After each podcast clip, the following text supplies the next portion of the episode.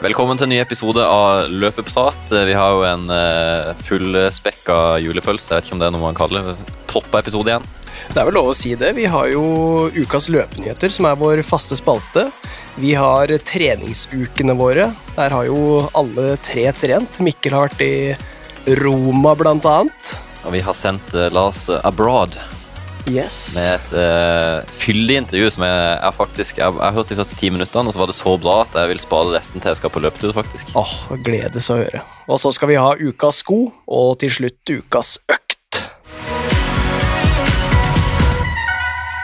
Da har vi ukas løpenyheter og nyhetsanker i den podden her. Mikkel han er klar, vet du. Jeg har funnet fram et par nyheter, og det blant annet så har Narve Gilje Nordås vært og løpt fem kilometer gate i Lill.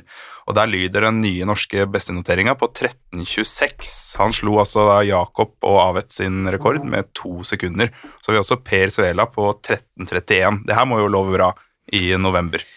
Ja, steikende nivå. Jeg hørte jo at han trodde han vant. Han var fem sekunder bak vinneren.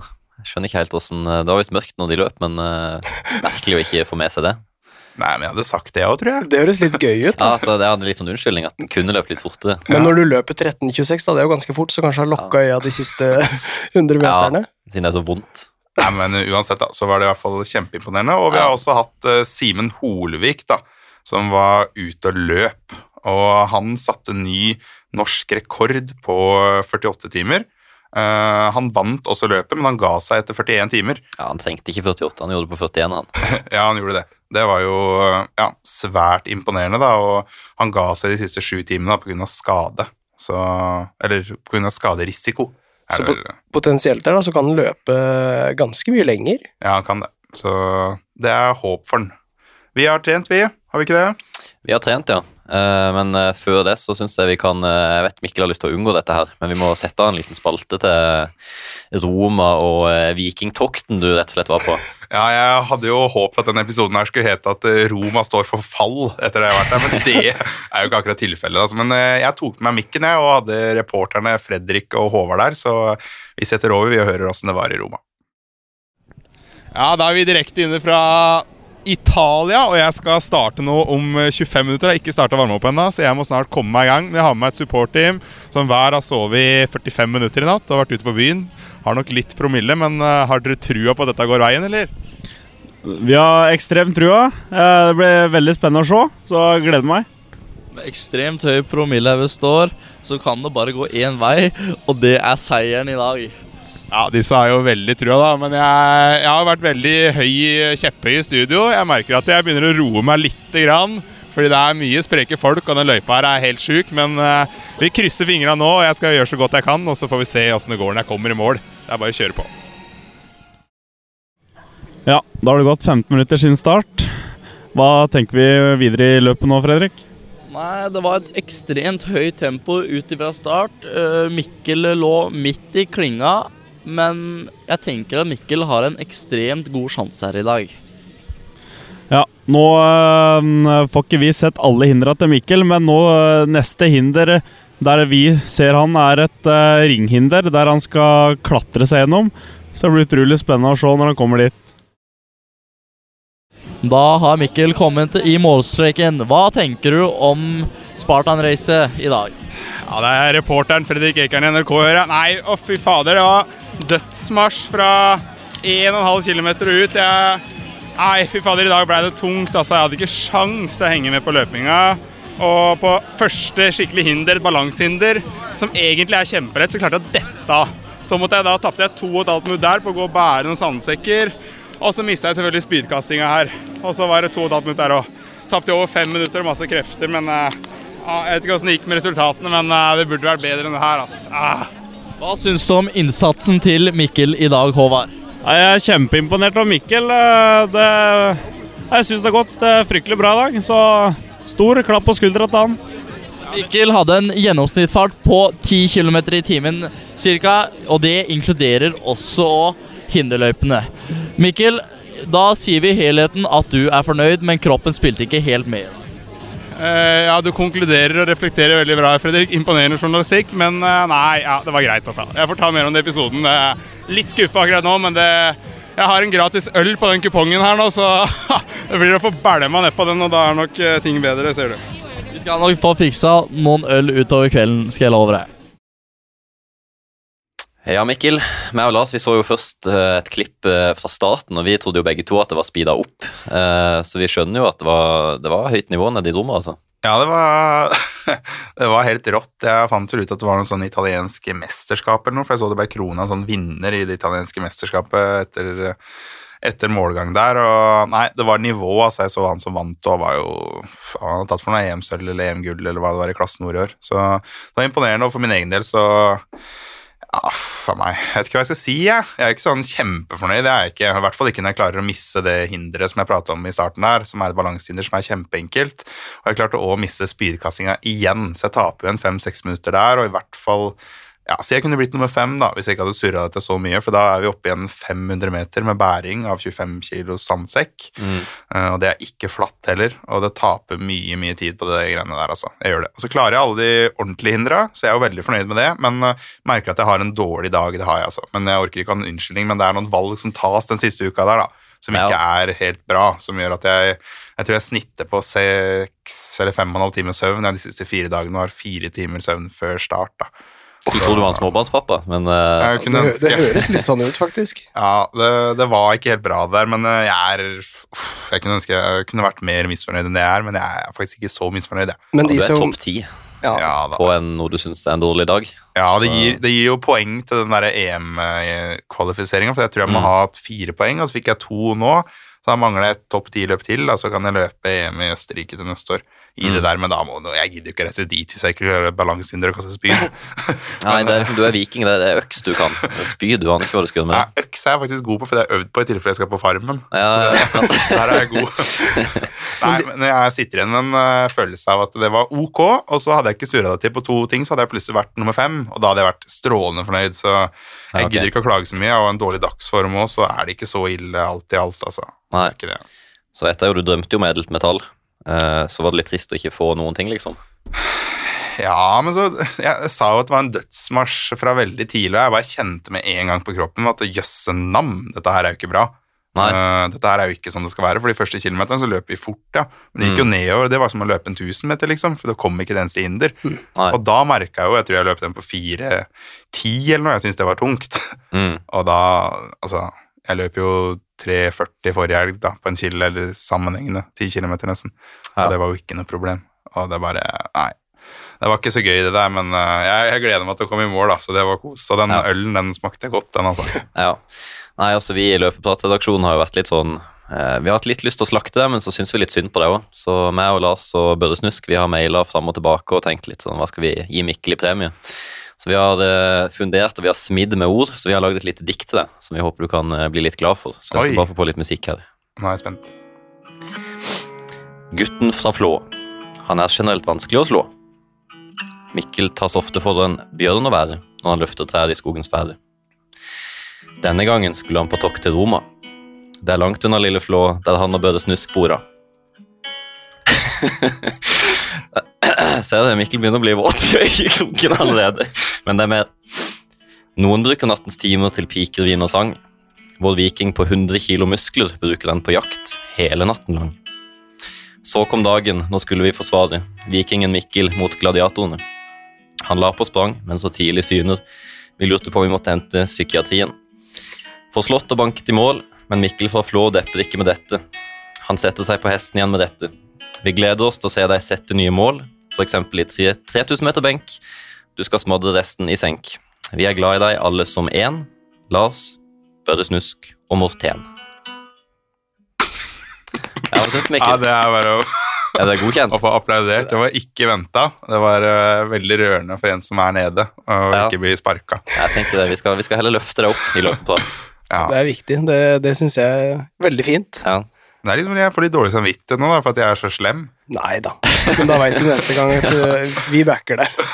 Ja, Bra jobba topp ti altså, på en eh, dårlig dag. Det er meget ja. solid. Ja, Det er i min aldersklasse, altså det jeg har sagt. Så det, men uansett, da, så er jeg, jeg er fornøyd, jeg. Så ja, jeg gidder ikke oppsummere så mye mer på den treningsuka heller. Det var ikke så mye mer som skjedde. Det var en liten intervall og et par rolige turer og ja, litt jakting på natta, som det nevnes i diktet der. Mm. Det er jo blant annet de dårlige valgene som er tatt, som gjør Ja. at det er eh, Ah, det er kjedelig å sitte her i dag, men eh, jeg er jo påmeldt Santa Pola halvmaraton 21. januar.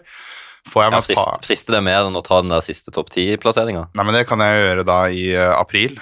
Ja. Og så gå inn i den perioden der med en uh, veldig god terskelform. Mm. Så, Ha god kondis og Ja. være løpssterk. Ja. Men jeg bestemte meg egentlig for at jeg ikke aldri skulle løpe det igjen, da. Spartan Race. Det gjorde jeg på sånn to kilometer. Nå er det siste gang jeg løper. Jo, jo, men det, det kan jeg tenke på maraton òg. At det her gidder jeg ikke mer. Men Nei. så må man bare få litt på avstand. Ja, jeg tror det nok blir et uh, løp til, altså. Men ja, Santa Paula Hall, dere skal jo få to Dere får ikke mer enn to uker, da. Men dere får to uker til å gjøre underverket for meg. Ja, Så det blir jo spennende å se hva jeg får da. ja Om du får Lars sitt opplegg med fire, fire terskeløkter og tre rolige Jeg skal eller- øke jeg nå til seks. Ja, ok. Én hviledag. Jeg tar det jeg, tar det jeg får, og ja, takker for det. Ja.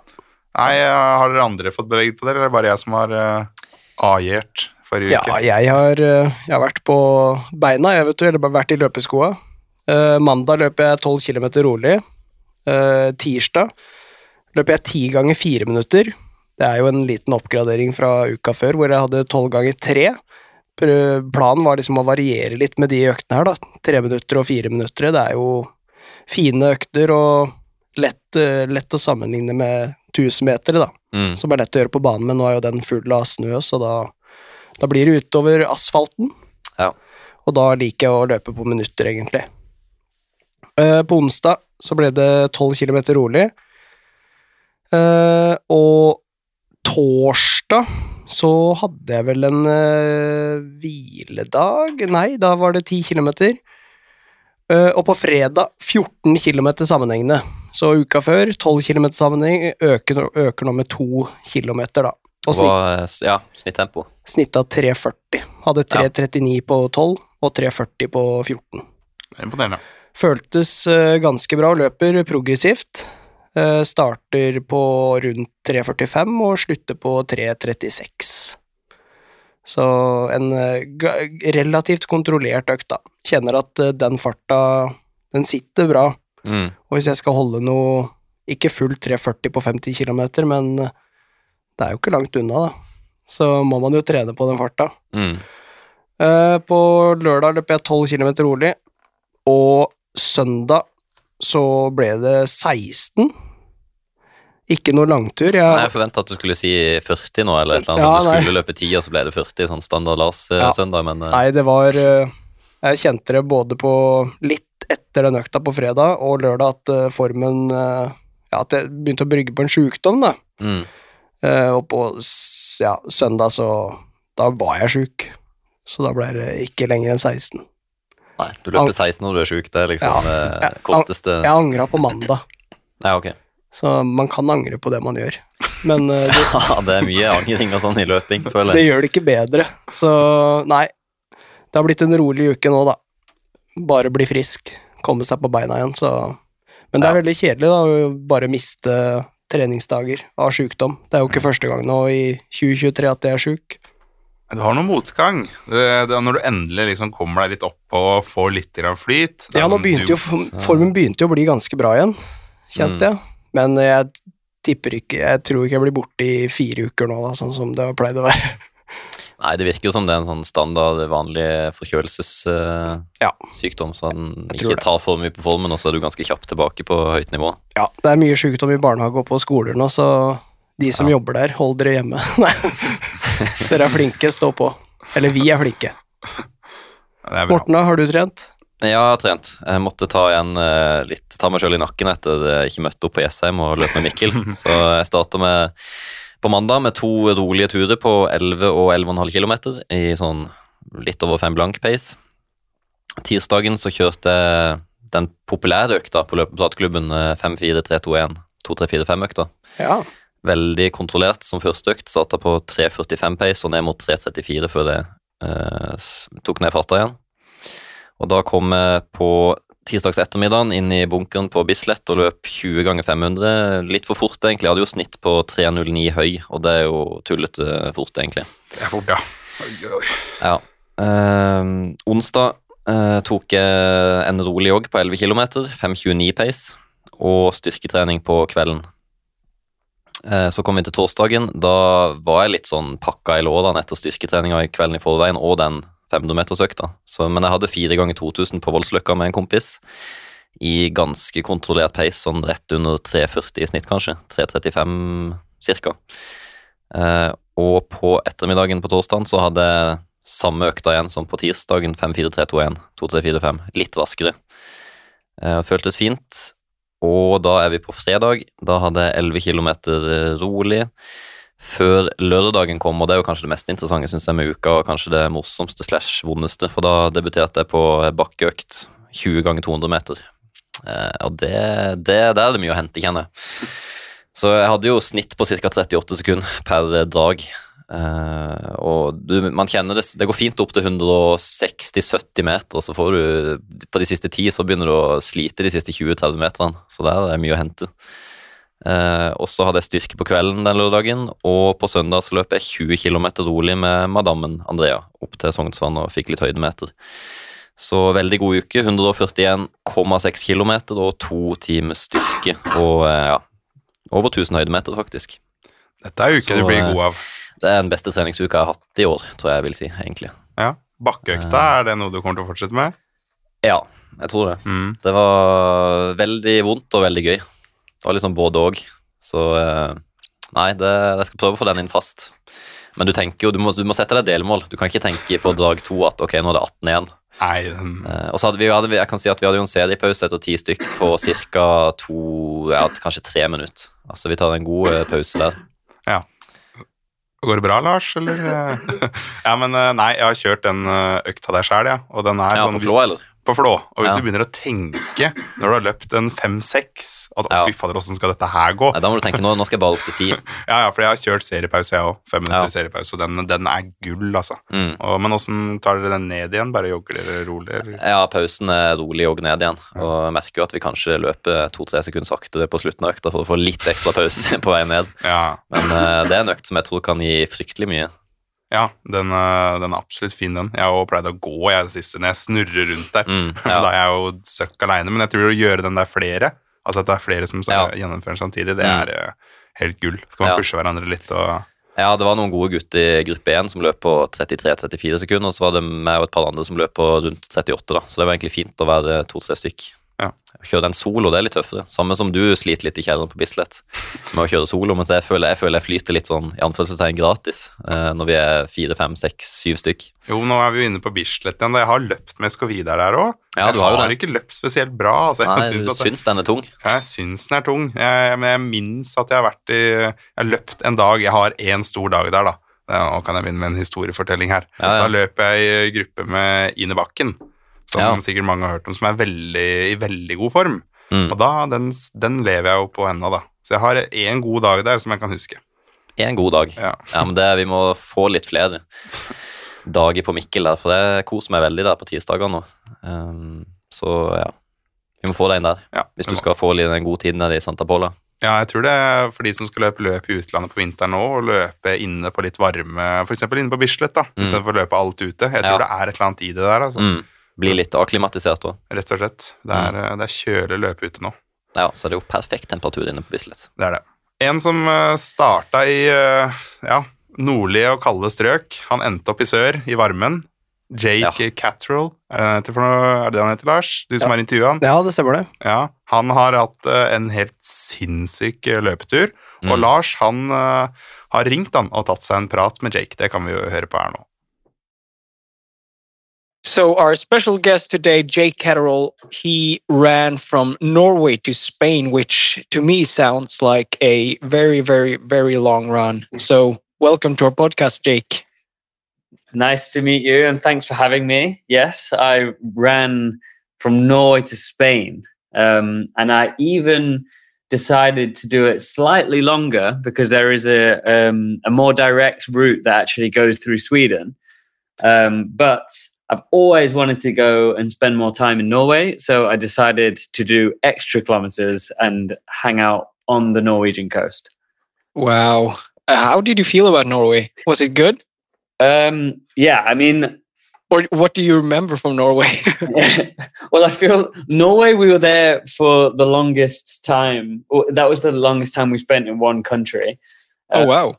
Uh, yeah, and I always feel like, um, yeah, I didn't realize how big Norway is, and I don't know what the age of the listeners are, but there is a, there is a Simpsons episode where Homer Simpson gets a Yeah. crayon stuck up his nose, um, and the doctor holds up his X-ray, and he and he says, "There's nothing wrong with you, Homer. Um, there's no problem," but the doctor is actually holding up the x-ray and he's covering the, the full crayon with his thumb Yeah. and when he takes his finger off the x-ray he goes oh like silly me i've, I've just seen the crayon and i feel like in my most naive way about norway i feel like i've done the exact same with norway my whole life every time i look at europe i, al- I seem to have chopped off the top of norway all the time, you know. So, um, yeah, Norway was a lot bigger than I thought it was going to be.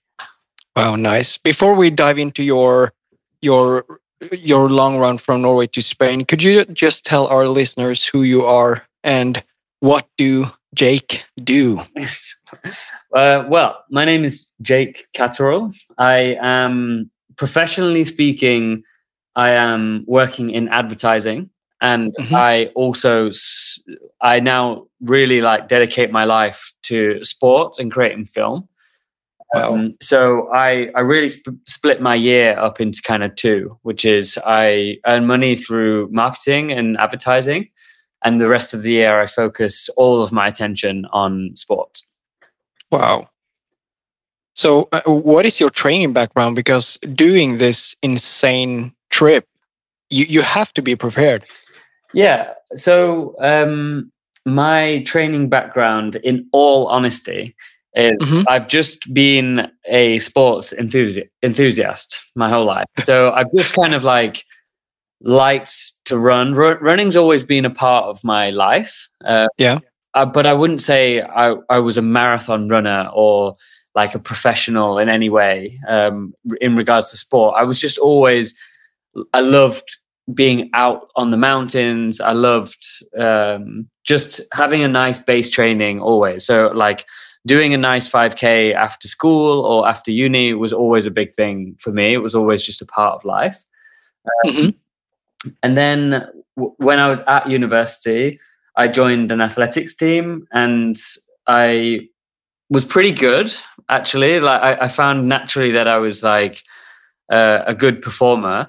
But the thing is, at uni, I I also just loved going out and getting drunk. So I, I, I, I did kind of focus a lot on partying and other stuff whilst I was there.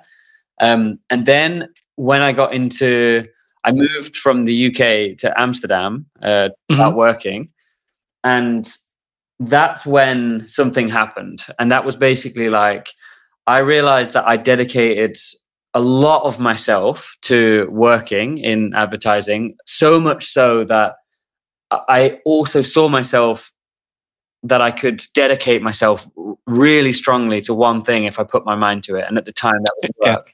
Um, and I dedicated myself too much. And I realized it was too much. And it was getting to the point where it was almost an unhealthy uh, situation. Oh. So then I asked myself, like, what would what would be this amount of dedication, but in a good outcome and a good result? And I just had my fallback straight into sport. And I just thought, wow, if I just dedicate myself into sport instead, like what would that look like? Um, and that quickly opened up uh, at a huge door into endurance sports. Like I naturally ran into, I got to a marathon pretty quickly. I got to 50k, then I got to 70k. Then I started doing endurance cycling and lots of mountaineering, and I just knew that this was like the topic for me. So, uh, for how long have you been running? Well, When did when did you start? Like you you said 5k Yeah, well, my my dad was um, kind of like also an enthusiastic runner Oh, as, a, as a yeah. kid. So I've always grown up seeing like his his medals like in the Mhm. house. He actually used to hang them in my toilet uh, at home. So every time I went for a pee, I would always see his medals there, uh, which was really nice to actually see. And I think subconsciously it gave me. Um, yeah, it like made me feel good about running, you know, because he did it and I wanted to do something similar. But like running has just always kind of been a part of my lifestyle generally. Um, Mhm. But then, yeah, as I said, it then started to get a lot more focused when I kind of got into my mid 20s. I'm, yeah I'm 31 now. oh yeah okay so did, did your dad dad have any prs on shorter distances that you wanted to break well, the funny thing was, and I'm not doing my dad any injustice here, uh, or anyone any injustice here either. But of course, okay um, um, marathon times are very subjective to hmm the the the individual, right? yeah So, yeah Depending on what level you're at, certain times are more impressive um, than other times. So I would say, Mhm. like a general good time for a marathon is like, let's say, a good target is like four hours thirty or something, right? That's like a g- general good target to have. The Yeah. better you get, like everyone then starts to focus on the three hour mark. You know, Mm. and then when you become very good at running, then you start to look at sub threes and what have you. Uh, and I always saw uh, my dad. There's a picture of him crossing the London Marathon, uh, and his time was like three hours something or other, three hours uh, twenty, yeah, which I thought like was like the most absolutely incredible thing uh, of all time. I was like, "Whoa, that's crazy!" Uh, and of course, now I've become quite good at running, um, and that time now is less impressive the older I've become. You know. Yeah, yeah. So could you just spoil our our listeners what your PRs on shorter distances is before we dive into the longer? Oh yeah, absolutely. Yeah. So I'm actually a bit more. I'm naturally more of a short distance runner. Um, Yeah, okay. A long distance. Yeah, because you look very fit. Yeah. So Like I, I prefer the the short, punchy one. So my my fastest 5k was like 15 minutes, uh, 55, I think. Um, oh wow. so it's um, decent for enthusiastic, but obviously it Mhm. doesn't it doesn't match up to like professional or amateur um, 5kers. But like I mean, I'm hugely proud of that time. Mhm. Um, half marathon is like um, one hour 15 minutes, I think. Oh wow. Yeah, 10k is 32 minutes. Hmm Um, so yeah, I think I've I've done some decent um, decent like shorter distance times. Yeah, that's that's decent. And now you you've been running, or it's about 100 plus days ago. You ran from Norway to Spain. Yes. You ran Norway, Sweden, Denmark, Germany, Netherlands to Belgium, France, and then to Spain. Yes. 5,600 plus kilometers. That's that's like more than the average runner does in a year. How did you come up with this insane goal? um, well, um, so me and my partner, my partner is amazing. Uh, let me just start it off with that. Yeah, yeah, Uh, yeah. But there are obviously uh, some challenges with being Jake's partner, which which is I, I have a lot of crazy ideas, Mhm. um, and I then dedicate very with a lot of focus into those those ideas once I've like dedicated myself to them. And Paula uh, has obviously adapted to this way of thinking and life, I guess. My Mhm. my partner's name's Paula. Yeah. Um, and I was basically just, uh, she's great just to soundboard ideas on. So sometimes I ask her, like, oh, what do you think of this, whatever. Um, and I was actually supposed to do an Arctic expedition in uh, Svalbard. oh, So I went to Svalbard uh, to do like a training expedition, and this, Okay. this year I was actually supposed to do like um, a speed crossing of the island, uh, but unfortunately I didn't get the sponsorship um, funding that I needed to go there because I also wanted to film there. Mhm. So after that news, I basically was like, damn, I need to think of an idea that I can do this year that I can really sink my teeth into. So I asked her, um, she was just sat on the couch, and I just said, babe, I've got an idea. I want to do something crazy this year. I want, because I live in the Netherlands, I live in Amsterdam, right? Y- Yeah, And I said to her, I want to run across the whole length of the Netherlands, right? Which is like almost 500 kilometers or something, 400. And she, Mhm. and she goes, nah, it's kind of boring. and I was like, what? Okay, cool. I I was like, well, that's an entire country, but like, okay, cool. So I start like looking at the Google Maps and I'm like, all right, what's a bit more interesting? How can I impress her? And, and I'm like, okay, cool, I've got one. And then I'm like, right, okay, change of idea. I'm going to run from the north of the Netherlands all the way to the south of France, which, by the way, is like 1,600 kilometers. It's huge. And she goes, uh, yeah, it's it's kind of interesting, but like still kind of missing something. And I'm like, what? I'm like, I'm like, how can? uh, In my head, I was like, how can I impress this woman? Because this is unbelievable. And I just sat back in my chair and said, well, at this point, I might as well just run across the whole of Europe. Yeah. And she goes, oh, uh, well, no, actually, that sounds like a bit too much. You should probably like rein it in. And then the seconds, and I was like, ooh, that that could be the idea. And then she's like, damn it. so that was literally how the idea was born. Um, it was just trying to impress my girlfriend, um, which led into some like ridiculous distance, which then I uh, dedicated my time to. Yeah, this is just thinking about running that long is it's insane.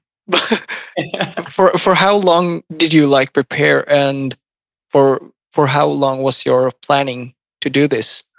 Okay, so from um, there was basically a four month um, period, which I can split up into, um, let's say, um, yeah, I can I can split it up into one month and three months. So okay.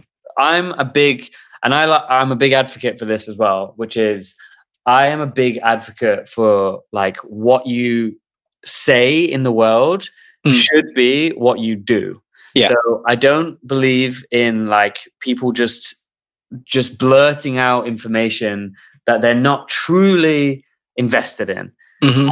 I took four weeks after we had that conversation. Um, I took four weeks to myself to really bake the idea in into my soul. You know, like I really like everywhere I went, everything I did. I walk to the shop, I go to the toilet, I go for a walk, I go for a run, and I just sat on this idea and really asked myself, do you actually want to do this? Like, is this for you? Like, and I and I explored every single avenue of like why it was for me and why I wanted to do it, and if the distance was whatever the distance was, it was more about like, am I up for this goal?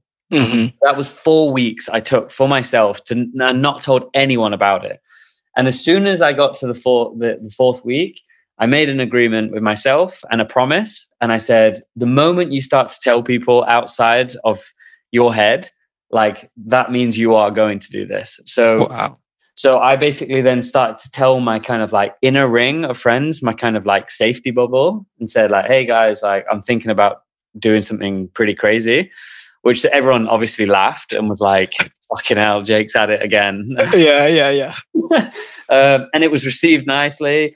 And then for the the three month period was basically telling my friends for the first three weeks and really kind of like getting some kind of idea of how I should frame the idea, like what the run should be, how I should like run it, um, like w- whether we do it with hotels or camping or vans or whatever. Um, And then there was once all of the idea and the concept was locked, um, we then had a two month period of then like planning the logistics, like where does the route go?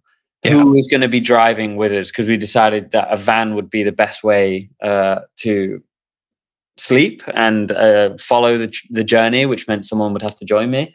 Yeah. Um, and yeah, that was it. And then we got. Um, I already have an existing relationship with Odlo, um, uh, the clothing uh, sponsor. So they Oh, yeah. they, they sponsored us, uh, which meant um, we were able to get like some of the hard costs were covered. So it meant we could get like the vans and uh, other extras.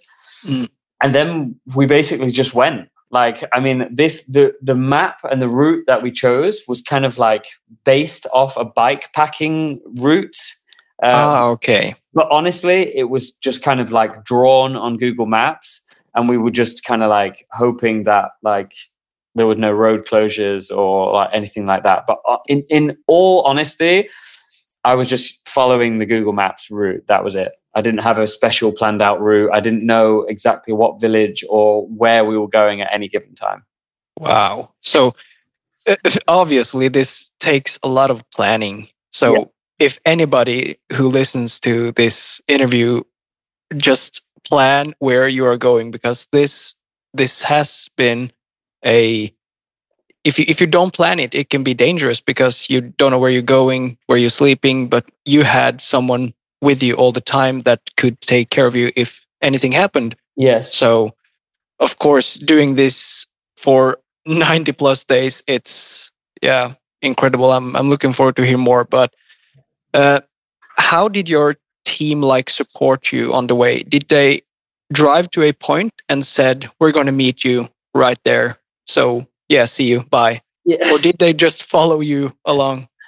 Uh, that's a good question. I I think um, well, I want to come back to something you just said a second ago about the planning part. Um, Yeah, yeah. but I will answer your question directly. Yeah. Uh, the the van um, we basically we did it based off uh, how chaotic the roads and the weather was. Uh, so the amount of like direct connection between me and the support car was really based off like the weather, to be honest. Yeah, yeah. So if the weather was like really horrific, uh, then the van would be closer to me uh, between like five and 10, 10k gaps.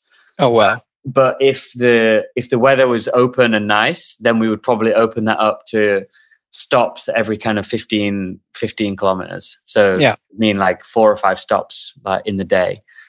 Um, yeah. So and I think also because we were filming and photographing the event as well, Mhm. uh, many times, of course, in Norway, which were just like insanely beautiful landscape. Oh so wow. uh, we, um, well, Roy, who was with me the whole time, uh, as a photographer, he found spots that he wanted to shoot, like great locations. uh, Yeah. Which meant that he would be then close to me again because he wanted to like capture a great moment.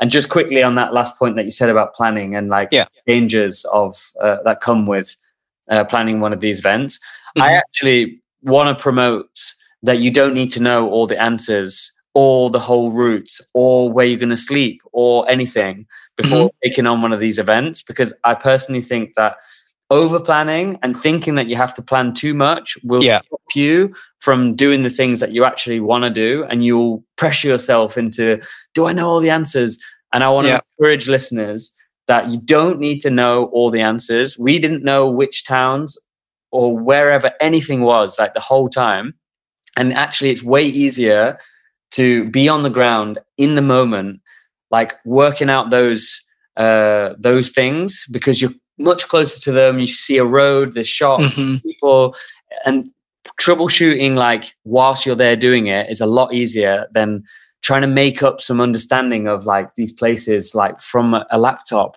like from, from wherever you live you know Yeah, yeah, yeah. I'll support you on that one, one hundred percent. Yeah. So you, you posted a lot of uh, on Instagram your location, and you had also a website that people could follow. yes So how did that affect your running? Like, did many people join, and did they motivate you, cheer on you, yeah, etc.?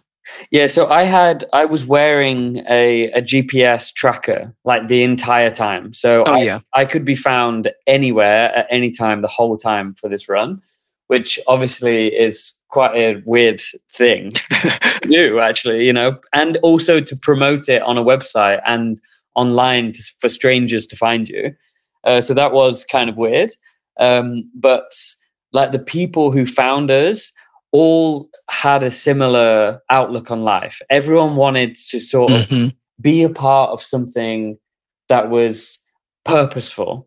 I found on this run that like a lot of people are searching for purpose in life. Mm, yeah. And uh, like I might make it look like I'm very purposeful because I'm running across a whole continent. Um, but I think that people really want to just absorb a bit of energy from someone who really has like a big vision or a big dream. And I think Mhm. that's something that I found so beautiful with the people joining me. Uh, large group runs, I always described them as uh, free kilometers because every time I'd run by myself, I would Yeah.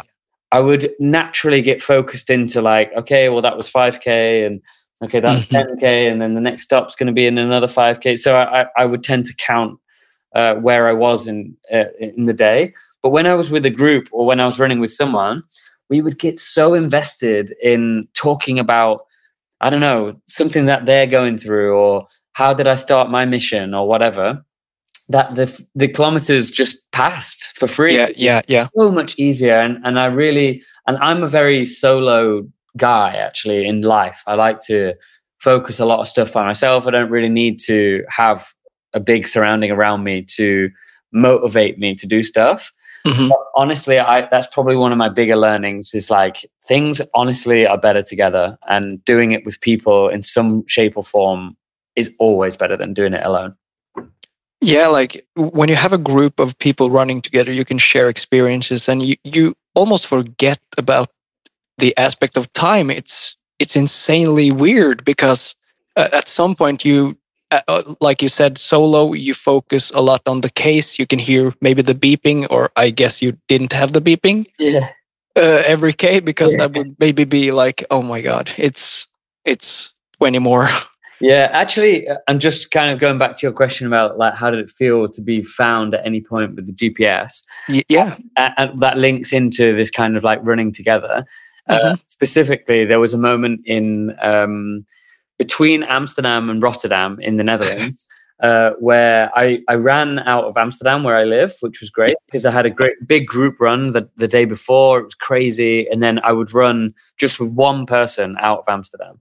So Oh. I'm, I'm running down this this road, and some complete total stranger kind of pops out of a, a driveway, and it didn't look really like they were joining us, but then they they they did, and I was like, whoa, like you're here, okay? And they were like, yeah, I found you online. I'm gonna I'm gonna run with you, and I've never ran more than like kind of 25 kilometers. Uh, Wow. And I'm just gonna see how far I can go today.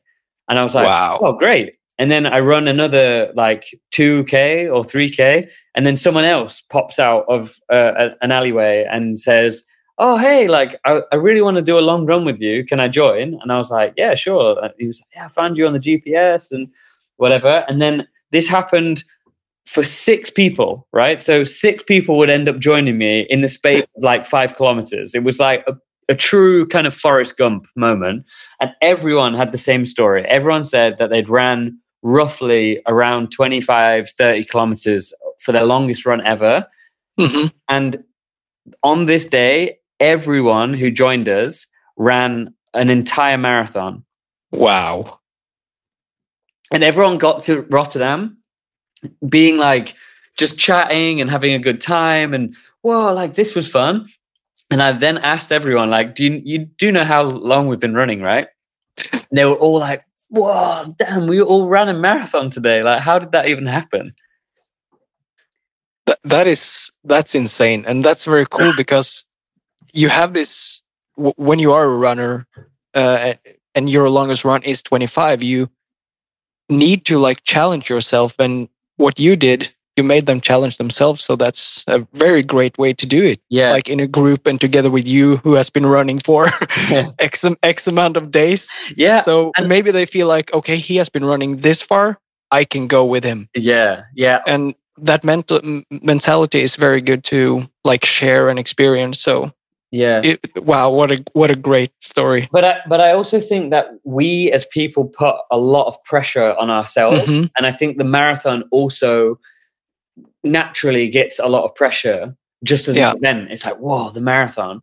But if you take the sting out of the marathon, like it's tough and you need to train for months and like you have to take a hundred gels and like all of this. If you take that that all of those pressures out of it and you just say, right, meet me like at the bridge and we're gonna just run and see how we we see where we end up. I guarantee people will enjoy that marathon way more than like slogging it out like and putting so much pressure and self-doubt on themselves, you know? Yeah, yeah. Yeah, one of the hosts in this podcast, he in 2021, I think, he ran 120 kilometers and his longest run was like 57 or 60 or something. So he he he experienced that. Incredible. Yeah, that was cool. So how how often do you eat and drink? Like this is very important for your body to stay stay up all day. Yeah. So how often? Um, so I um, obviously we need to look for sponsors for trips like this because they do. Yeah. there, there are hard costs. Uh, I, I also had to take three months off uh, work as well, which is I'm fortunately I'm freelance, so I like taking the time off is easier for me. Um, but of course, there are costs that need to be covered. Yeah, yeah. We focused on trying to get uh, sports nutrition, uh, but that didn't work out in the end. Uh, Ah. So I made the decision to go like full on uh, like food base only. So I didn't. I basically after that, not getting the sponsors, I just thought, you know what? Why don't I just try and do this all off like no, normal food? Uh, so I basically uh, I turned my day into kind of like you have sort of like four to five meals per day. Mhm. Um, so I tried to really like normalize my day. I, I tried to not make it like, oh, you need to get this amount of calories, Yeah, yeah. this amount of like uh, carbs and whatever. I would Mhm. just have like a breakfast, a, a sort of like middle lunch snack, a, a lunch, um, uh, a middle lunch to dinner snack, and then a dinner. You know, and everything. Yeah. and then everything in between would just be like uh like meat sticks and like little sugary treats and stuff like this so honestly my my diet was more like snacking every hour and a half to to an hour but on like oats or like eggs and avocado and tomatoes or Yeah. pasta or uh, or lots of donuts i'm not gonna uh, you lots of donuts so many They are they are incredibly good. So yeah I, I especially in Norway. Yeah. um, so did you did you eat whilst running, or did you just stop and eat? And the smaller, like a banana and something, they got in when when you were running. Yeah, exactly. Like in the first week, I um my gut wasn't adjusted properly to take, Oh, okay. taking on Yeah. food whilst exercising. I think that's a Mhm. challenge for many of us uh, runners. Yeah. But honestly, it took one week of like my body being like, "Oh no, like we have to, we have to process food and run. Like this is Yeah. uh, but honestly, it only took one week. Um, and then afterwards, I honestly would just eat a whole meal and then run 10, 15 kilometers, finish that, and then just eat another meal and then run 10K. So I, I wouldn't say I was like eating on the go. It was more like I needed to schedule a stop. I would have a meal and then I would run. So for how long did you run a day? Like, did you have any rest days? Um, okay, so they're two different ones. So uh, the the schedule every day was Yeah. 70 kilometers. Yeah, that's a lot. I have to take a pause there because I think even for me, I I'm like that is just such an enormous amount of time, you know, yeah, on the it is. road and to just be taking that beating on the feet as well. So Mhm. every single day um, was 70 kilometers. Um, wait, just what your question again? Um, like for how many or how long did you run each day? Yeah, and the rest days, right? Uh, Yeah, yeah, the rest it, days, It was the 70 kilometers um, per day, and I scheduled absolutely no um, rest days whatsoever. So I basically was like, I'm not going to stop. I'm just going to run Okay. every day. Uh, Mhm. However, I I experienced two injuries that stopped me from running. Um, so one was in the first week where both of my knees just like decided Oh, to fill up with liquid like the size of melons, and it looked quite funny because I'm quite skinny now. Well, I was skinny at the start as well. yeah. The, my knees just looked outrageous. I looked some, something like a flamingo or something. Oh, wow. Uh, yeah, so they really filled up with a lot of liquid. Like un- under underneath the heel cap. Yes, exactly. Yeah, Uh, yeah, all yeah. around there. Um, and I took two days off, and then that just disappeared. So it just Wow. disappeared, and I continued running. And then later on, like maybe two weeks later or a week and a half later, um, I got an injury in my quad. Um, and Okay. honestly, I just was running down a hill, and it was like one step. I felt like a sort of very small kind of tearing feeling in my in my quad, but honestly, like everything was in pain always. So Oh. it was just like another pain that I had to deal with. So I didn't really care so much about it. Uh, and then the next step, it was like a more aggressive tear, and the next step again was more aggressive. So I was like, "Damn, I think I've, this is kind of bad." Um, Yeah. I was forced to then take five days off Mhm. completely there. Um, so that was on day like 28. So I took five days off there. And then for the remaining time from that day onwards, uh, I ran every single day without a break between 70 and 80 kilometers Wow. every day. I, I think those five days helped you a lot because if you got a tear in your quads, or yeah, that would that would cost you the rest of the run. I think so. Yeah, I think so. that was that was a good call. Yeah. Do you have any? Do you have any have any tips for runners who wants to complete, like, say, a two day, three day run? How how do how should they prepare? Or or do you mean like don't prepare, go out run? Well, but when you say a three day run, like, Yeah. give me some parameters. Like, is it is this like a distance situation? Like stopping, not stopping? yes, if I would like to run like from Norway to Sweden, Okay. what would you recommend me? Well, um, so let's just say it's like under the format of like um, um, like long distance per day. Let's say it's like Mhm. 50 plus k eh, per day, right? Yeah, yeah, Um, I would say like find like a, a a really cool reason to do it, and Yeah. that can be like any reason. And don't get trapped into like uh, having to do it for charity, for example. Like Mhm. find like a even a stupid reason. Like even if you're in a bar and making a stupid bet with someone like the, like a week before saying like well you you couldn't uh, i bet you couldn't do this and like this mountain and this mountain or whatever and make like a really stupid bet with someone and then Mhm. turn that into like the vision. Like the the stupid bet that you made in a bar that you actually pulled the trigger on and then you actually made it happen. I think those ones are they're really funny like starts to the project and actually influence the running like quite a lot.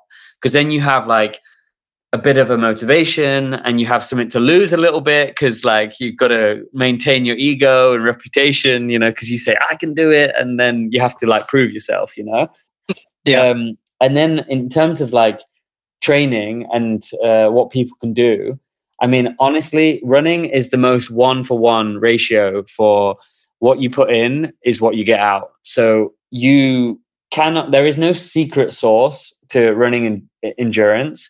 You have to run low intensity heart rate Yeah. and a lot of it. That, that is, Mhm. there is, there is no secret to it. It's the same as when people look for complicated reasons for weight loss. Yeah, I, I hate to break it to everybody, but the, the key to weight loss is a calorie deficit. And that is yeah. It is.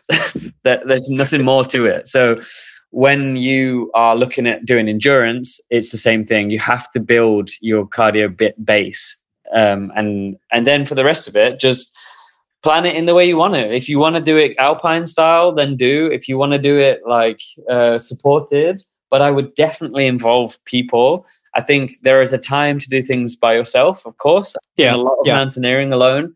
Um, and if you want to do a fun activity, especially with running, in involving people is the best thing ever, honestly. And if even if that's just by a support crew who are going to meet you in a petrol station with a little flag, like that's cool. And if someone Yeah, yeah, yeah. end, that's also cool. You know, like as long as you just involve people, that's the best thing. Yeah, I saw you like you said on Instagram, join one kilometer, two kilometer, Yeah. what, and that's so that inspires people because Mm, just joining for one k that may be enough for some, but yeah, and yeah, they could be very joyful of that. So yeah, yeah, th- thanks for the tips. yeah. So let's talk about running shoes. They running shoes is more like technological than before. So you think the shoes is helping you to recover faster Uh, and do more mileage each day? Yeah, so I think just in terms of the shoes, because obviously everyone these days is obsessed with shoes, um, Yeah. what they do and whatever. Um, Mhm. I have to say, with this specific event, because it is so big and there are there isn't much testing uh, that goes into like I mean, how many people have ran across the continent? Like barely anyone, you know. Yeah, yeah. And how many people have ran marathons? Lots. Mhm. You know, so there's Yeah, a lot yeah. of testing that goes in there. And I actually found that when I started running, um, I used my favorite, um, like kind of half marathon, marathon shoes.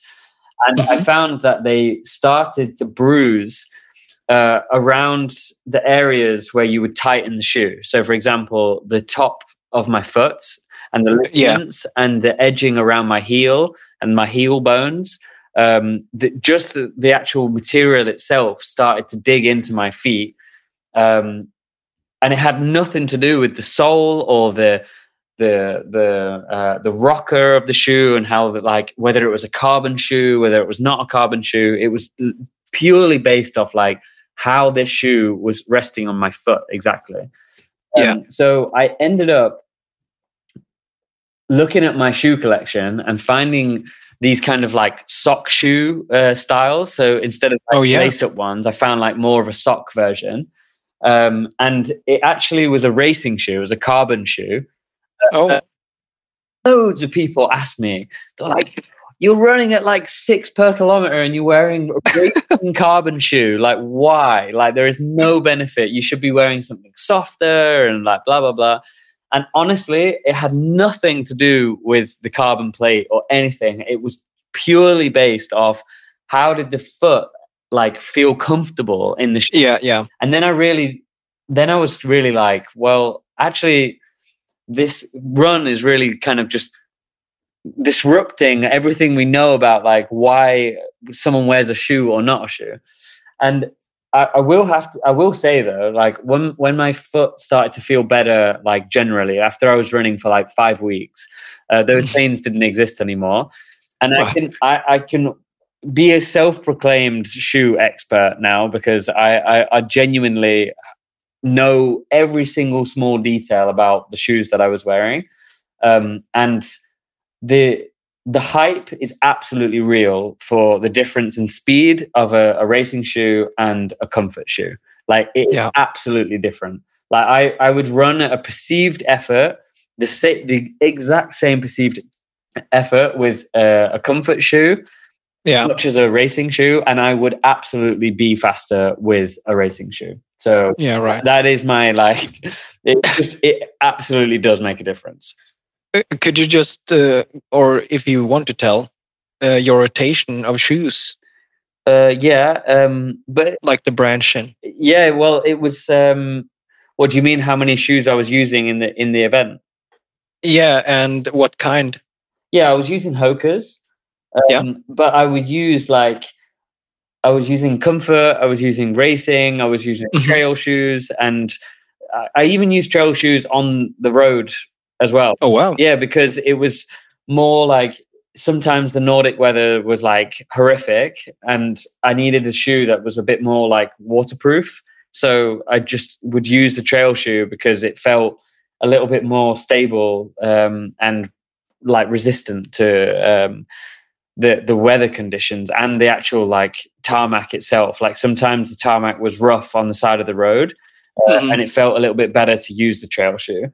Uh, but in all in all honesty, I really I focus a lot on uh, running form and how I use my foot landing, and I don't want to. I want to eliminate practically all vertical bounce, like Yeah, yeah. entirely. Um, so I actually went through a lot less shoes than you would imagine. I only I burnt entirely to the to the foam uh, four pairs of shoes on the Wow. the entire event. So it wasn't that many actually.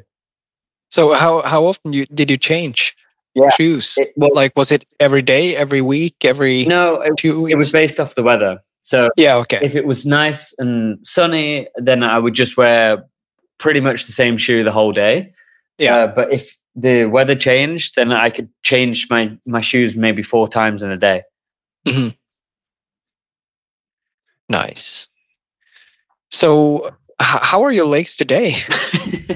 yeah, honestly, um, I think based off like having a goal so big and powerful Mhm. and public also um, means that you have to take a very focused approach to uh, that goal. So basically, everything is targeted towards the goal, and you have to get there. And like you have a purpose and a mission and what have you.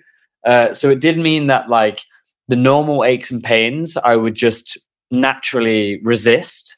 Um, the emotion that went towards like self doubt, I would also resist. Um, pressures from project planning, uh, all of Mhm. this, I would also resist. So ev- everything was kind of like I was always holding stuff away from me that would cause unnecessary pressure. Yeah. Um, and I returned the vehicle that we used uh, just the other day, uh, which was basically like the last kind of paperwork that I needed to uh, take care of at the end of the Mm. trip. And honestly, the moment that I dropped off that car and I like finished all the paperwork for, and I got home, Yeah. I completely crashed.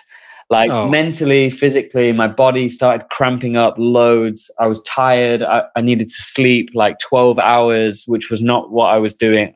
On the run, I was just doing eight hours a day. But now, Yeah. all of a sudden, in need of 12 hours, I needed to have a hot bath. I needed to ice my knees again. And so it's funny how, like, that release has like let go of a bit of tension that I've obviously been carrying the last uh, three months.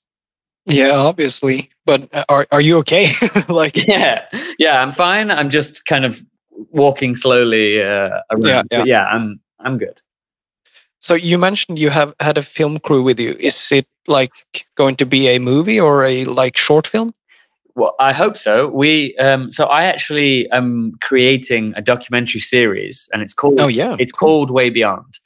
Um, in in the most like compact version, it is all about documenting the steps to a dream that I have, and that dream is to cross Antarctica uh, by myself. Like I'd like to do this alone, um, and I want to document for others to watch, just Wow. to see like what steps that I took in order to get to my goal.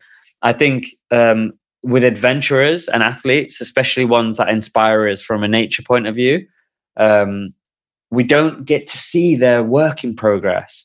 And Mhm. I, I often watch these shows and amazing documentaries, and I'm like, wow, like, how did you do like El Capitan? Or like, how did you do this? Like, you're Yeah. Incredible Yeah. human being.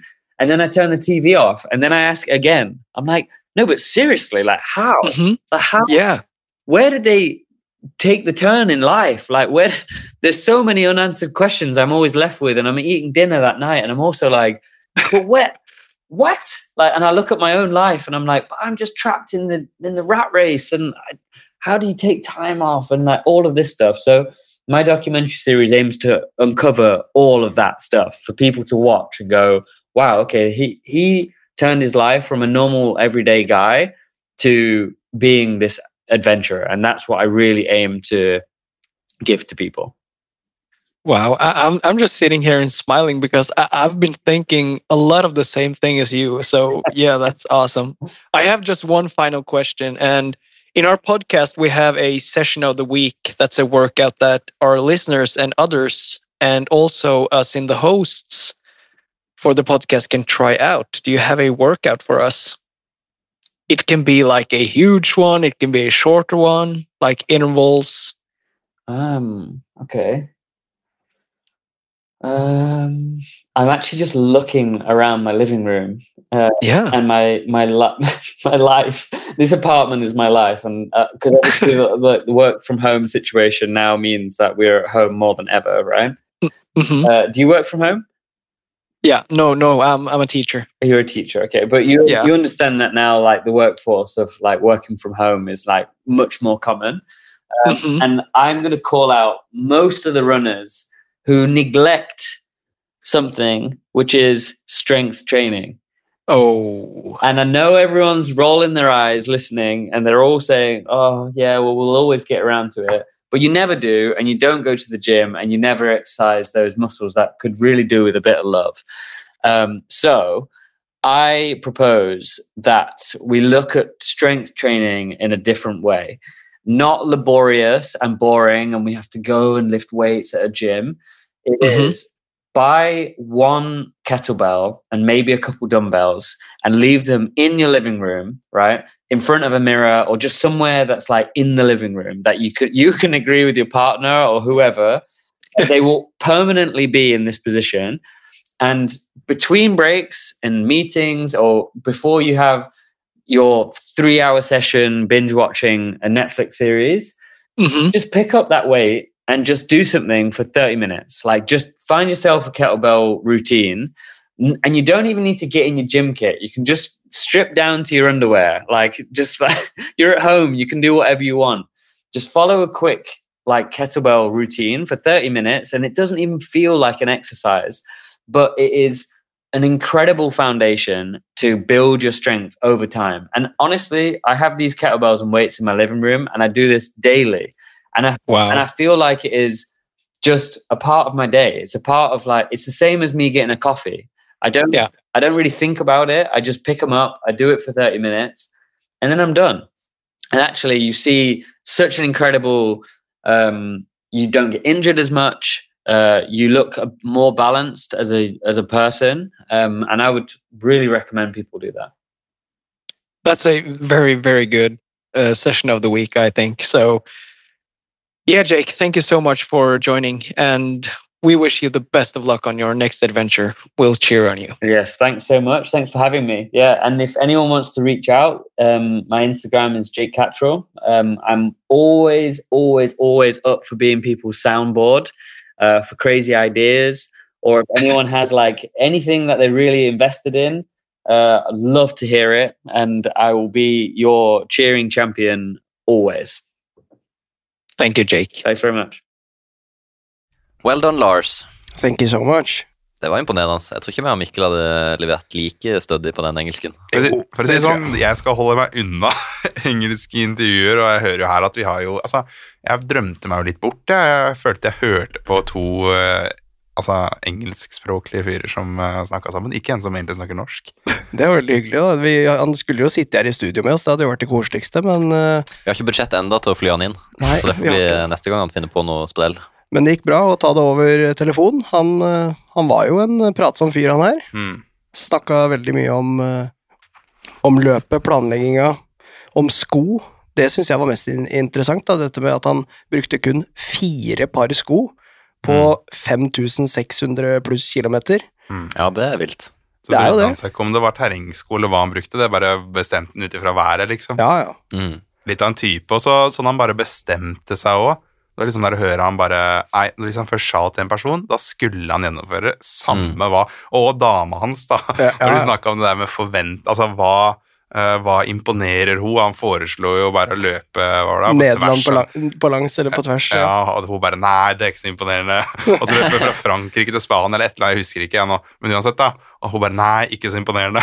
Det er litt Så- sånn uh, Halal Holfag, det greia. at man må, må ta hele greia for å imponere. Ja, det var helt sjukt. Jeg håper han imponerte med det stuntet der, for det var jo ja, 94 dager på beina, da. Mm. Med to skadeavbrekk hadde han. Hvor han tok 94 eh, dager. ja, fem dager hvile og to ja, fem og to, tror jeg det var, Mm. for å bli frisk igjen og komme seg på beina. Ja. Så det er jo en uh, imponerende prestasjon. Mm. Jeg nevnte jo deg, Mikkel, med 120 km der, Ja, men må- jeg det, det, blir, det blir kanskje litt smått. Nei, Når vi, jeg, jeg begynte å tenke hva i alle dager skal jeg gjøre nå, da, for å, for å kunne ha noe skryt av, for nå er jo det plutselig helt opprykt. Nei, det er en liten du må nok fra Norge til Spania, opp igjen til Norge, kanskje. Ja, det er sikkert en morsom tur når du skal opp igjen gjennom eh, Sverige og, og så videre tilbake. Nei, fytti. Herles. Nei, men det blir spennende. Han skal jo lage en dokumentar om det òg, så det blir jo spennende å følge med på hans reise videre. Han er jo på både Instagram og Strava det som er han, så det er bare å henge med. Vi har fått litt uh, lyttespørsmål vi, den gangen her òg, og det er uh, Jeg valgte ut to spørsmål som er ganske fyldige, så her er det bare å henge med når jeg begynner å skravle.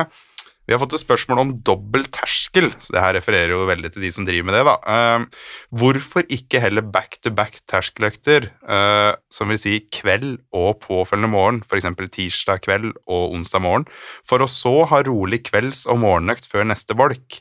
En natts søvn mellom terskeløktene gjør det vel også mulig med større økter. Er poenget med to terskeløkter samme dag og sliter litt på andre økta? Om så er det vel ikke så nøye med antall timer eller hvile mellom øktene heller. Ja, det er mye å diskutere på. Det er et uh, et Fyldig spørsmål. Ja. veldig fyldig spørsmål. ja. Jeg vet ikke, Dere som kjører mest dobbeltterskel, kan jo de svare Det er vel Ja. Morten som kjører mest. Jeg er mer sånn enkel og noen ganger fire etter hverandre. Ja, det er alt back to back to back to back. Eh, Jeg kan begynne med det siste først. At eh, Poenget med at man skal slite på andre økta, er det jo ikke fordi jeg tar den første økta mest kontrollert, så den Mm. andre økta eh, har litt høyere fart på, da. Så ja, få inn litt søvn. Jeg er jo ofte død opp på morgenene, så jeg er ofte freshest på, på Ja. ettermiddagen etter å ha hatt en rolig terskeløkt først. Det har jeg merka da jeg har kjørt eh, dobbel. da. Eh, Gjorde det mye i fjor i hvert fall. Da alltid første økta Mm. var blytung, Mm. men jeg kjørte jo mye av samme farta, da. Ja. Så kjørte jeg 3.30 på morgenen, så kunne jeg kjøre 3.30 på kvelden òg. Mm. Men mye tyngre på morgenen, sånn som Ja, du sier. Så Sånn når jeg har kjørt fem ganger seks minutter på 3.39 pace når jeg Ja. starter første dagen, så er jeg sånn åh. Men så kommer jeg på ettermiddagen på Bislett og løper 3.12 pace og syns det er nest, nesten, nesten lettere. det, Så eh, ja, ja, så svaret på det er jo nei, da. Poenget er ikke å slite på andre økta. Eh, men eh, ja, det hadde jo vært kult å prøve, da. Men jeg syns igjen det er litt deilig å ha våkne på tirsdagen, i dag er det terskel, i morgen på onsdag så er det ikke terskel. mm. Jeg liker litt den. At ikke det flyter litt sånn inn i hverandre sånn døgnmessig. Mm. Men det kunne jo vært kult å prøve. Lars, kan ikke du prøve? Jeg kan prøve alt, jeg. Ja. Det, men jeg tror Mikkel òg kan prøve, for han skal jo løpe halvmaraton snart. Ja, ja. Jo, men eh, når vi er litt på hvorfor vi heller ikke skal gjøre det, da, det er det jo på de at det der de harde dagene er jo harde dager, Mm. og easy days er easy days. Hvis du begynner å regne på en uke, da, ser du har sju dager, så er jo da Hvor mange dager blir harde da? Hvis du skal ha dobbel, dobbel, dobbel, så er det på Det seks dager dager som blir hardt, da. Halvharde dager blir det jo. Jo, men du har på en måte kvalitet hver eneste dag, da. Ja. Og så er det litt sånn, hvis du hørte det De har veldig så mange som har hørt det intervjuet med Marius Bakken i det lange løpet òg. Han snakka jo om 10-11 eh, på morgenen og klokka fire igjen på kvelden. Ja. Det var det han hadde funnet som mest optimalt, da. Mm. Å ha de der så tett inntil hverandre. Ja, han kjører ganske tett. Mm. Så er det noen som kjører ja, Ingebrigtsen, de kjører jo mer litt tidligere og så litt seinere igjen, da. Sånn type fem, og for Mm. eksempel ni, da. Ja. Mm. Så Nei, så er det jo Ja, Men det hadde vært spennende å se noen prøve det. det er jo det. Det trenger ikke være også noen ofte, det kan jo være noen helt andre. Jeg har lyttet til andre. Mm, det er bare Kjøre terskeløkt på kvelden, og så er terskeløkt nummer to på morgenen. Men også er det, hvis du skal ha volum på uka di, så er jo ikke det her Det er jo lurt å ha inn noen rolige dager òg. Det er godt for huet òg, egentlig. Når du, hvis du kjører dobbelt på tirsdag, så har du en rolig en på onsdag, Mm. og styrke som du kjører, da. Så er jo det bedre. Og du er mer klar til torsdagen da enn hvis du skulle kjørt tirsdag, onsdag, og så torsdag igjen. Ja, og så bakke på lørdag. Ja, ikke sant? Ja, så de fysiologiske effektene de har vi jo ikke noe erfaring med. Jeg vet ikke om det er forska så veldig mye på det, men sånn mentalt sett da, så Mm. er det nok ikke noe vi kommer til å prøve. Uh, rett og slett for å få bolklagt det litt mer innad i uka. Og så er det det med styrketrening òg, da. Når skal da styrken egentlig inn? Skal du ha den på Ja, la oss si at du begynner mandag kveld da, og tirsdags morgen. Da er du jo ferdig, da trenger du ikke å ta det igjen før eh, onsdag kveld. da. Så da er jo Ja, men nei, det blir litt stillete, syns jeg. Det blir litt mye styr. Ja, Ja. vi hopper videre, vi. Ja. Um, fått et spørsmål. Jeg og en kompis vi har starta å løpe litt i høst, og vi har diskutert dette med rolig versus terskel, og hva som er riktig å gjøre. Og da har de vel skrevet til hverandre, da, og han ene han skriver har lest veldig mye om sone 2 og sånn den siste måneden, men jeg sliter med å få et bra svar på om det er nødvendig når man ikke løper mer enn man klarer å restituere. Dersom man bare har tre timer i uka, er det da vits å løpe sone to, eller holder det med høy intensitet på alle treningene? Har vi noen tanker rundt dette, og hva som er best over tid? Og når han sier over tid, så er vi kanskje inne på noe, da. Mm. Hvis denne personen her løper to eller tre ganger i uka, så tenker jeg kjør, kjør på. Men hvis han løper hver dag, Og løper han jo tre timer Tre i uka, timer i uka, ja. ja, tre timer i uka, Mm. Skal vi si gi han tre økter, da. tre, Ja. tre økter. Jeg ville jo kjørt variasjon, da. Ikke, ikke sånn enten-eller. At han bare skal kjøre sone to i tre timer, og heller ikke bare intervaller. Tenker jeg. Nei, Én rolig og to intervall- eller terskeløkter. ja. Men sånn, han, han her er virker som han er litt gira da, på å løpe Ja. hardt alle dagene. Og da kan vi si at det kan hende det har vel så mye effekt, egentlig. Ja. Du kan jo løpe 45-15 tre ganger i uka, da. Du- jo, jo.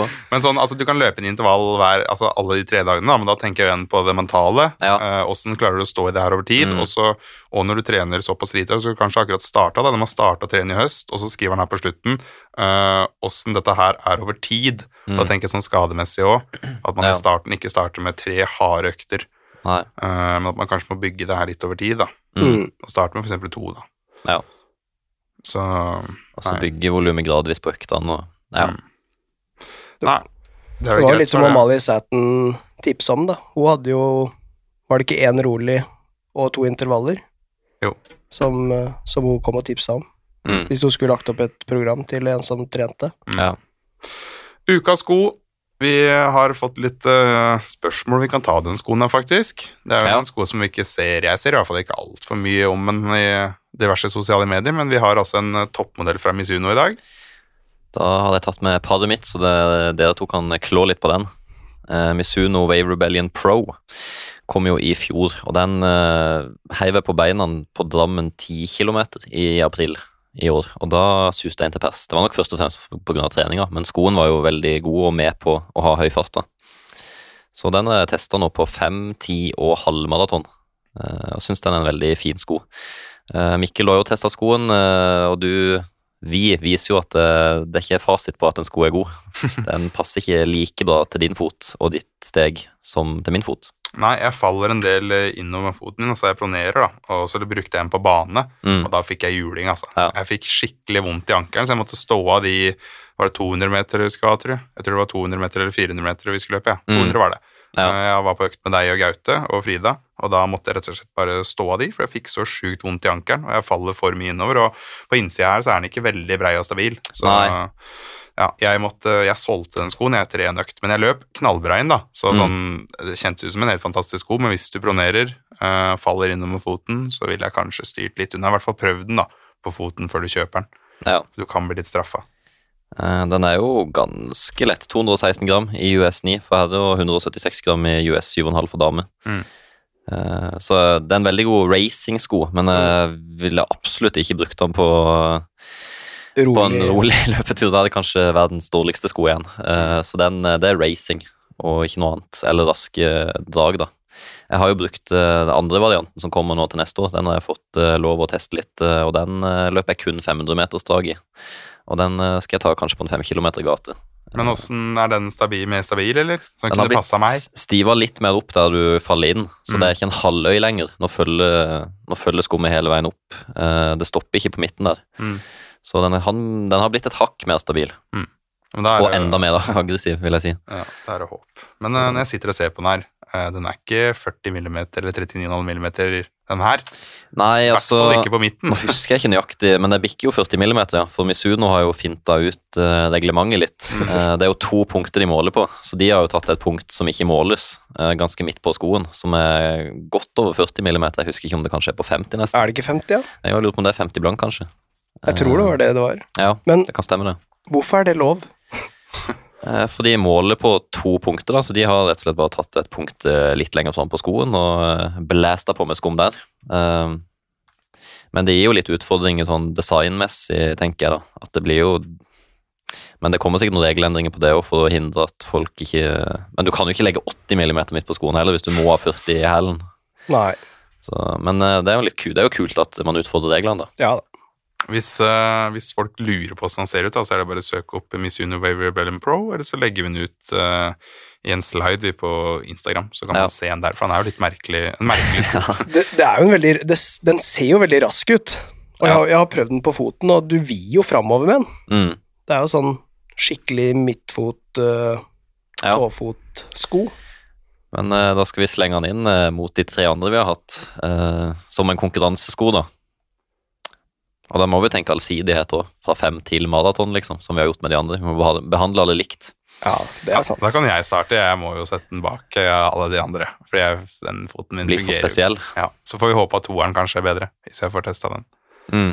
Så for min del så er den eh, etter de andre, som er på respons og sånn, så kunne den nok vært helt der oppe, men jeg får jo ikke følelsen i skoen. Nei. Av at, sånn som måten den er oppbygd på. Mm. Nei, personlig for min del så ville jeg jo satt den høyt, men eh, jeg må jo tenke litt på alle, da. Da tenker jeg jo både Essexen er jo mye mer safe, da. Den kan passe de aller, aller fleste. Alphafly, Ja. Adios Pro 3. Så den her det er jo for spesielt interesserte, så den må jo komme på sisteplass, men uh, Ville du kjørt den på en maraton? tror de ikke er god nok. Uh, da de slapp skoen, så sa Jo, jo, kanskje, kanskje til høsten så er jeg god nok. Uh, det er jo for løpere som løper sub 2,30 på maraton, eller raskere. Ja. Så det tilsvarer jo sånn 3,30 noe høy Nei, et lav pace. Eh, Mm. Det er liksom der skoen kommer til sin rett. Løper du saktere enn det, så jobber skoen eh, ikke like bra. Nei, Så det er en sagt, fartsko. eh, Racing. Det ser dere at den er, når dere ser bildene. Mm. Vi har uh, ukas økt, og det er en uh, fartsøkt som den skoen her kunne passe helt utmerka på. Det er tre, to, ett minutt ganger fem. Så løper også tre minutter, ett minutt pause, løper to minutter, ett minutt pause, så løper du ett minutt, og så er det ett minutt pause. Mm. Og farta på den kan jo være f.eks. halvmaratonfart, 10 km fart og 5 km fart. Hvis du vil ha den litt hardere, så kan det være 10 km farta di, 5 km farta di og 3 km farta di da, på de forskjellige draga. Så da går du opp og ned på fart og opp og ned på drag, og det er en sånn veldig, veldig morsom og fin økt. da. Og så kan du jo tillate å dra på litt på de ettminutterne, for du får ett minutt pause Ja. etter. Og du får litt mer volum enn enn 45-15-økta. Mm. Det er en sånn kom kombiøkt. Mm. Jeg tenker at den her er eh, helt strålende. Du har en halvtime dragtid. Kan du legge på flere serier hvis du vil det òg, for du øver Mm. på mye forskjellig fart. Hva tenker vi? Gira? Ja, så tenker jeg lytterne om å prøve å teste ut, og tagge oss som vanlig på Instagram og Strava. Der er folk blitt veldig flinke. i. Ja, helt Der vil skryte av lytterne. Ja, ja, det er kjempegøy. Kjempegøy å se. Jeg kommer til å gjennomføre denne økta her, eh, som den i panelet den gangen her. Hvis noen andre er gira, så er det bare å slenge seg på. Lars, du gliser, du er gira på den her. Ja, så lenge formen min er bra, så skal jeg ta en, ta en runde. Jeg syns jo det her er en veldig fin økt. Eh, Veldig, veldig enkel å gjennomføre. Mm. Starter kontrollert og øker litt gradvis, og så er det jo bare kortere drag, og det er finfint. fin, fint. Mm. Som Morten sa, så legger vi den ut på Løpeprat løpeklubb, så det er bare å, bare å få meldt seg inn der, og så se hva som kommer. I neste episode da skal vi også snakke mer om løping. Vi skal muligens ha inn en ganske interessant gjest òg, så det er jo bare å følge med der. Lyttespørsmål det tar vi gjerne imot på Instagram. Det kan være på Løpeprat sin Instagram, men det kan også sende privat. Eh, Hvis ikke så går det an å legge inn spørsmål på Løpeprat løpeklubb sin Strava-profil når vi legger ut de der episodene, eller, eller ukas økt episodene. Og i tillegg så har vi en julekalender som vi skal starte med. Der kommer vi til å trekke ut fete premier hver eneste søndag i advent, så det er fire søndager da. De starter 3. desember og avslutter 24. desember. Og der har vi noen premier som jeg, jeg har lyst til å trekke meg sjøl, jeg. ja. Er det lov, eller? ja, vi vinner tre av fire luker. Det var deilig. Det er fint, det. Ja. Nei, så det er bare å begynne å følge oss på Instagram, så, og der får du jo litt ekstra content. Eh, Gjennom uka så deler vi jo stadig litt eh, klipp og økter vi gjør i løpet av uka, hvis dere har lyst til å se litt hvordan det ser ut. Nei, vi tenker at eh, det er det, og tren godt, tren smart. Vi løpes.